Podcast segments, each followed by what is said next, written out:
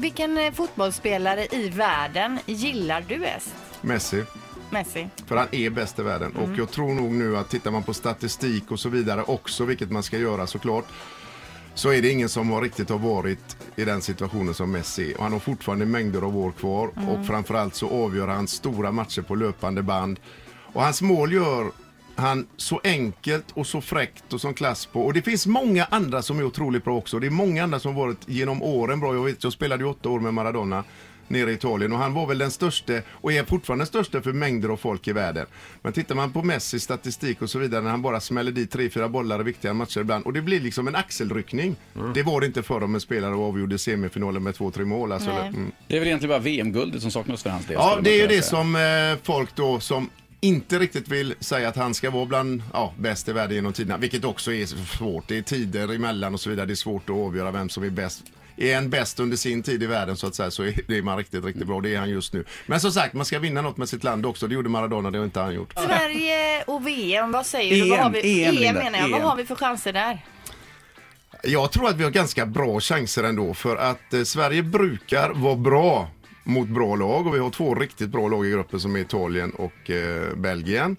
Och då brukar vi stå upp väldigt bra, brukar överraska mot bra lag. Och jag tror nog då att det blir ett lag som är ganska jämställda med oss så att säga. Irland i första matchen, den blir den viktigaste av alla. För den kommer att avgöra om man går vidare eller inte tror jag. Ehm, möter man sen Italien i andra matchen, ja, man kan nog lätt, inte lätt, men det känns som man kan få med sig ett kryss i en sån där match. Och sen Belgien i sista, då kan man ha det där flytet att Belgien redan är klara.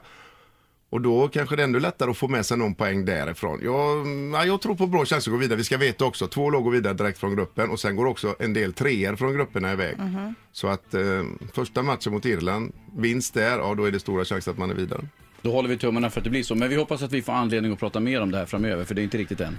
Nej, jag har ju till och med inte ens börjat tänka på det. Jag vet bara att det kommer att gå i eh, Frankrike såklart. och när VM var där 98, det var väl då jag satte igång rejält och började kommentera på heltid så att säga.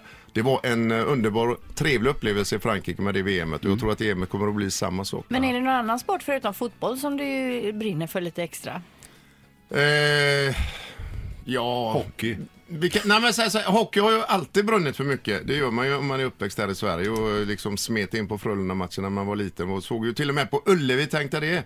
Två, tre år gammal så var jag på Ullevi på uterinken och då var det så långt ner till plan så man såg ju knappt planen alltså. Men där stod jag och eh, hade Satt i en bag som farsan var med mig, kaffetermos på ena sidan, te på andra, så satt jag i mitten med tidningspappret för det var ju svinkallt va. Ja, Men det var roligt bag. som Satt du i en bag? Ja, en bag alltså.